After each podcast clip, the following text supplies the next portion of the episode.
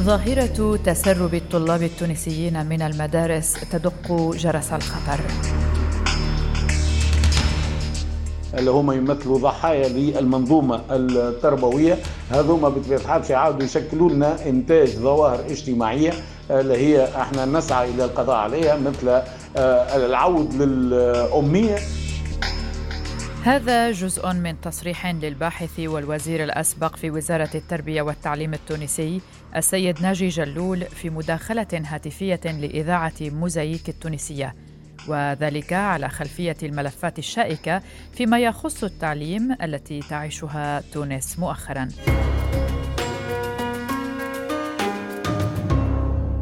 فتونس تعيش هذه الأيام على وقع إعفاءات سبعة مسؤولين من خططهم الوظيفية بالمندوبية الجمهورية للتربية بولاية سيدي بوزيد وذلك لثبوت تورطهم في التلاعب بملف الانتدابات عن طريق تدليس شهادات الخدمات لعدد من الأساتذة والمعلمين. وتورط هؤلاء الموظفين في عملية التدليس شملت إدماج أكثر من مئة معلم وأستاذ نائب بولاية سيدي بوزيد وهم من غير النواب المستوفين لشروط الحق في تسوية أوضاعهم. وقد تم فتح تحقيق في الغرض وتم تكليف الفرقة المركزية لمكافحة الجرائم الاقتصادية والمالية للحرس الوطني بمتابعة هذا الملف.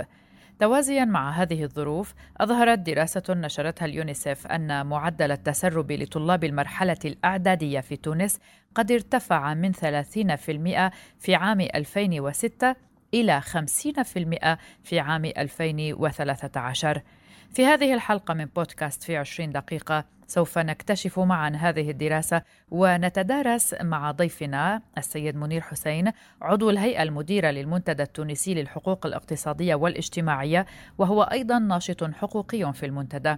سيحدثنا عن أسباب تزايد وتواصل هذه الظاهرة الخطيرة في صفوف الشباب التونسي. في عشرين دقيقة, مع براء صليبي, مع براء صليبي.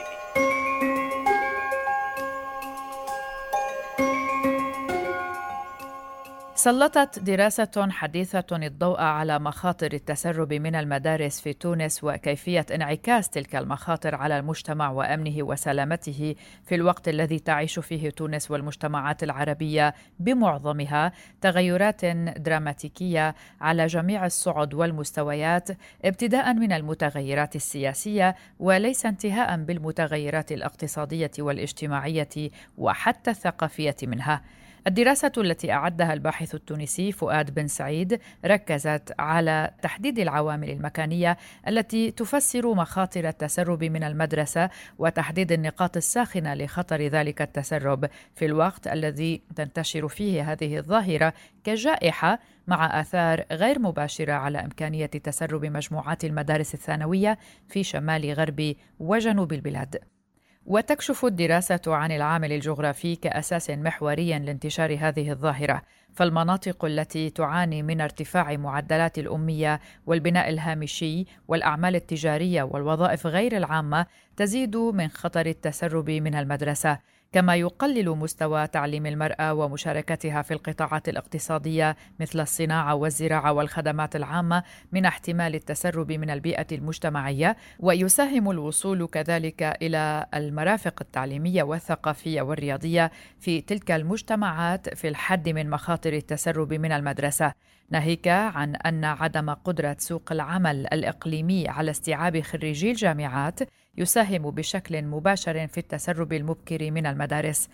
الباحث التونسي أورد مجموعة من الإحصائيات والأبحاث والتقارير التي نشرتها منظمات محلية وإقليمية ودولية حول التسرب من المدارس في تونس وأن نحو 10% من الأطفال الذين تتراوح أعمارهم بين 12 و 14 عاماً توقفوا عن الذهاب إلى المدرسة الابتدائية أو الإعدادية ونحو 85% من هؤلاء المتسربين تركوا المدرسة بعد أن أمضوا بضع سنوات في المدرسة الثانوية والبقية توقفوا عن الدراسة دون حتى الحصول على فصل المدرسة الثانوية. وتم تسجيل أعلى معدلات التسرب في المناطق الشمالية الغربية والوسطى الغربية من البلاد كما أن التسرب الأكثر شيوعا كان في المناطق الريفية وبين الأسر الفقيرة وخاصة عندما يكون مستوى تعليم الأم منخفضا للغاية.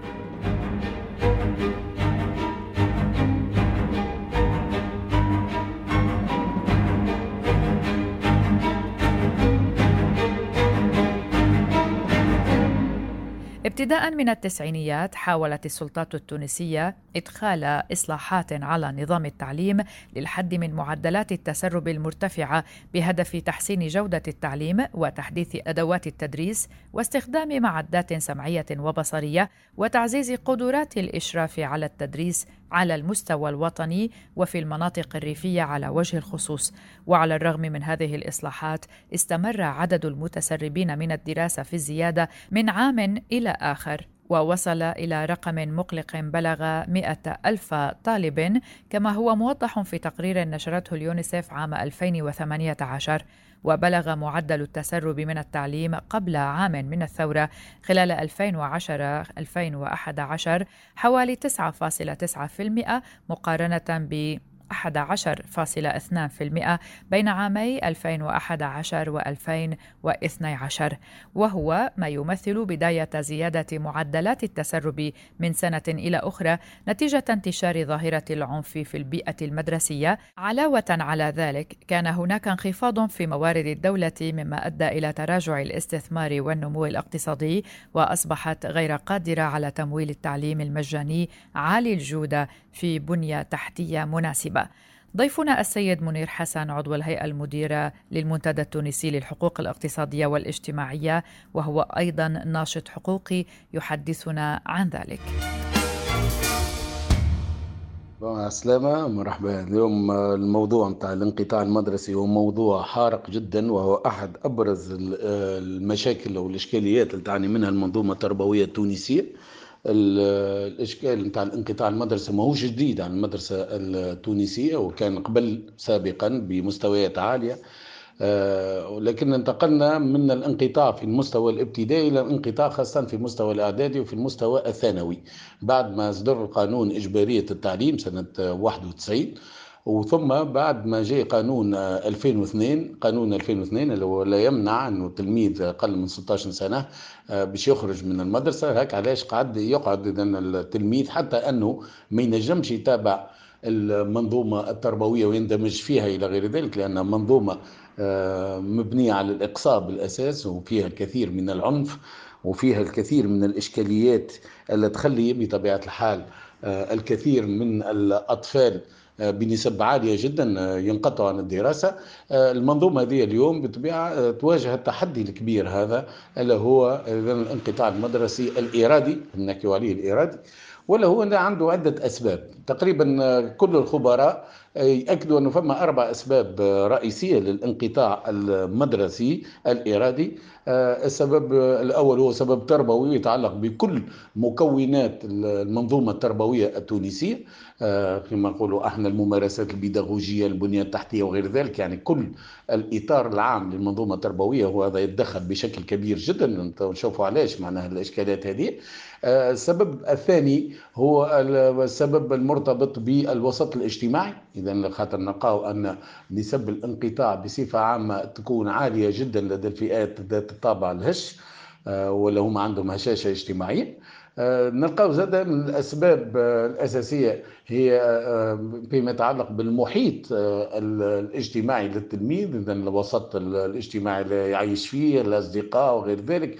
وهذا زاد أيضا من المؤثرات الهامة على التلميذ وعلى مساره التعليم والسبب الرابع هم أسباب ذاتية تتعلق أساسا بالتلميذ المنقطع. تجم تكون أسباب نفسية تجم تكون أسباب أمراض إلى غير ذلك. وهذه تقريبا هي الأسباب الرئيسية. لكن بالعودة إلى منظومتنا التربوية نعرف أن الأسباب هذه نلقاو أن كل المؤشرات تؤكد أن الأسباب التربوية عالية جدا في نسب الانقطاع. يعني هي تقريبا السبب الرئيسي إحنا بالدراسه انجزناها سنة 2014 آه، بينت أن تقريبا حوالي 72% من المنقطعين يذكروا أن سبب انقطاعهم هو متعلق بالمنظومة التربوية بمكوناتها الكل بأبعادها الكل. وهذا اللي خلانا بطبيعة الحال نغوص إذا في المنظومة ذي ونفهموا أنه فيها خلل كبير جدا سواء في البرامج سواء في الزمن المدرسي سواء في طبيعة حتى المقاربات والممارسات البيداغوجية اللي جابها قانون 2002 وهذا بطبيعة الحال يخلينا أطلقنا صيحة من أجل الإسراع بإنجاز الإصلاح التربوي. صحيح أنه انطلق الإصلاح التربوي خاصة 2015 لكن بعد ذلك تعطل واتضح بالكاشف أنه ماهوش من أولويات السلطة السياسية اللي حكمت بعد 2011 وهذا اللي خلى بطبيعة الحال منظومتنا تتردى أوضاعها أكثر وأكثر وشفنا العودة المدرسية السنة كثيرة فيها المشاكل والإخلالات إلى غير ذلك. وفي تقرير نشر عام 2015 ذكر المعهد الوطني للإحصاء التونسي أنه خلال العام الدراسي 2013 و2014 تسرب أكثر من 112 ألف طالب من المدرسة 40.4% منهم من الفتيات و59.6% من الفتيان وأن 9.5% من المتسربين هم من المدرسة الابتدائية 42.5% في المدرسة الإعدادية و48% في المدرسة الثانوية في حين أن 48.3% من المتسربين من البنين كانوا في المدرسة الإعدادية بينما 41.9% من الفتيات المتسربات كنا في المدرسة الثانوية.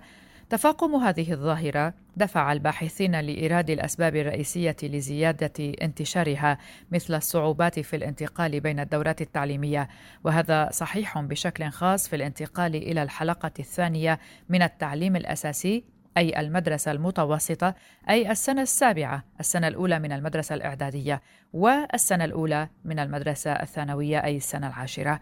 ومن أهم أسباب التسرب من المدارس التونسية حسب المختصين هو العامل الجغرافي.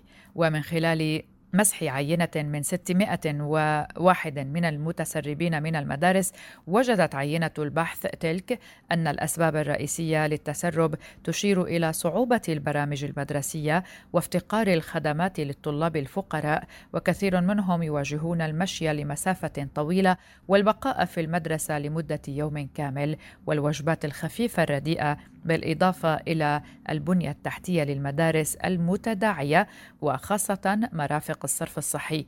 كما أن الشباب من الأسر الفقيرة المقيمين في المناطق الريفية والذين حصل آباؤهم على القليل من التعليم هم أكثر عرضة للتسرب من المدرسة حيث وجدت دراسة أجريت عام 2016 أن المناطق الشمالية الغربية والوسطى الغربية تقدم برامج تعليمية أكثر فاعلية من حيث الجودة ومعدلات النجاح من المناطق الداخلية. لكن يظل التسرب المدرسي أو الانقطاع هو ذكوري بامتياز. السيد منير حسن يرجع بالتفاصيل أكثر حول هذه النقطة فلنستمع إليه.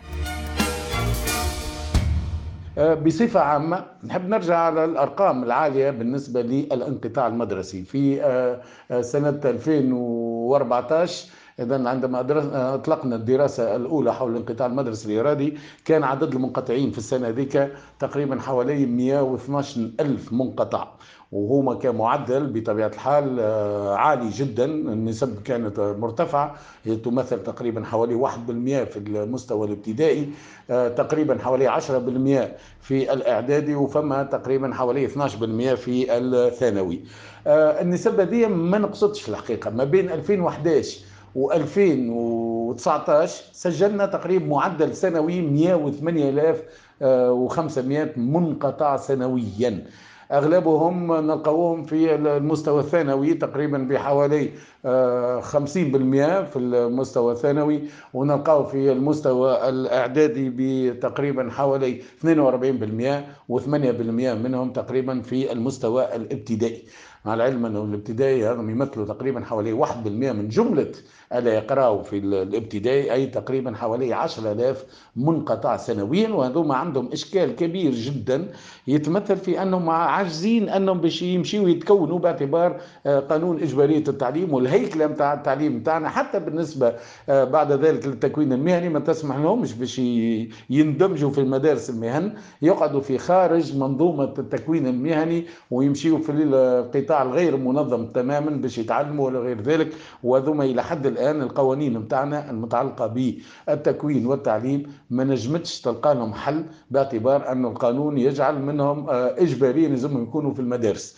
وين نلقاو اذا آه، المستويات العالية نتاع الانقطاع؟ نلقاوها أول شيء في السنة السابعة اساسي اللي هي تمثل تقريبا حوالي 50% من جملة المنقطعين سنة 2019 آه، من ينقطعوا في التعليم الإعدادي يعني من سنوات السابعه الثامنه التاسعه أعلى نسبة نلقاوها في السنة السابعة أساسي. وثم نلقاو زاد أيضا أعلى نسبة في المرحلة الثانوية في سنه اولى آه ثانوي. هذه اللي تمثل تقريبا حوالي 52% من جملة اللي انقطعوا في التعليم الثانوي. اجمالا الانقطاع هو ظاهرة ذكورية بامتياز يعني تقريبا الثلثين من لا ينقطعوا هم من الذكور والثلث هم من الإناث وقتاش نلقاو النسبة تتفوق نتاع الإناث على الذكور إلا في مستوى السنة الرابعة ثانوي. في المستوى ذا نلقاو عدد الإناث المنقطعين وهذا نتيجة عوامل ثقافية اجتماعية آه، ونتيجة كثير من الأسباب اللي تخلي الانقطاع عند الفتيات يرتفع بالمقارنة مع الذكور. وعلاش هذا لأنه طبيعة الحال آه، نلقاو أن نسبة الانقطاع الكبيرة عند الذكور تخلى أن آه، عدد الفتيات في المستويات يعني نتاع البكالوريا يولي يتفوق على عدد الذكور. وهك علاش نلقاو النسبة عند الإناث أعلى من الذكور. المناهج التعليمية هي أيضا من أسباب التسرب. في دراسة أجريت حول محددات اختيار التحاق الطلاب الهولنديين بالمرحلة الثانوية قدم بحث أجري عام 2008 قدم بحث أجري عام 2008 عددا كبيرا من الدراسات التي درست مسألة التسرب من عدة مناهج وأدى المسح لهذه الدراسات إلى استنتاج مفاده أن التسرب هو عملية معقدة نتيجة من تفاعل عدة عوامل وليس نتيجة عامل واحد. يمكن تفسير ظاهرة التسرب من المدرسة من خلال العوامل المعرفية وغير المعرفية للطلاب. علاوة على ذلك يرتبط التسرب من المدرسة بخصائص الطالب مثل الأداء الأكاديمي ويتم تحديد هذا الأخير من خلال الدافع للتعلم والمشاركة في أنشطة الفصل الدراسي. ضيفي منير حسن يشرح لنا ذلك. ظاهرة الانقطاع هي فيها كلفة عالية جدا على المجتمع الكلفة هذه بطبيعة الحال آه، باهظة جدا سواء من حيث المال يعني الأمور المادية. آه، نقدرها نحن تقريبا آه، بالنسبة للمستوى الإعدادي والثانوي تقريبا بحوالي أكثر من 400 مليون دينار سنويا تتكلفهم وزارة التربية. بطبيعة الحال هي تدخل في خانة الهدر المدرسي الكبير لأن الأطفال هذوما بطبيعة الحال اللي هما يمثلوا ضحايا للمنظومة التربوية. هذوما بطبيعة الحال سيعاودوا يشكلوا لنا إنتاج ظواهر اجتماعية اللي هي إحنا نسعى إلى القضاء عليها مثل آه، العود للأمية آه، مثل ضعف التكوين ضعف التأهيل. في أوقات تواجهنا تحديات كبيرة فرضتها علينا العولمة وخاصة آه، في مجالات آه، الثورة التكنولوجية الثالثة والتأقلم إذن مع التحولات الكبيرة التي تفرضت نتيجة النمو والتطور التكنولوجي آه، الكبير. آه، بطبيعة الحال الانقطاع المدرسي زاد أيضا هو نتيجة ظاهرة ما يسمى سلعنة التعليم في يعني في منظومتنا التربوية. السلعنة هذه تتأكد خاصة منذ 2002 باعتبار أن المقاربات والممارسات البيداغوجية التي تم اعتمادها منذ القانون التوجيهي لسنة 2002 تقوم أساسا اعتماد الكفايات الأساسية وغيرنا تماما في مقاربتنا في تعاملنا مع المعرفة أصبحت المعرفة في الهامش وأصبح التلميذ هو محور العملية الأساسية وأصبحنا نركز على التعلمات أكثر من المعارف.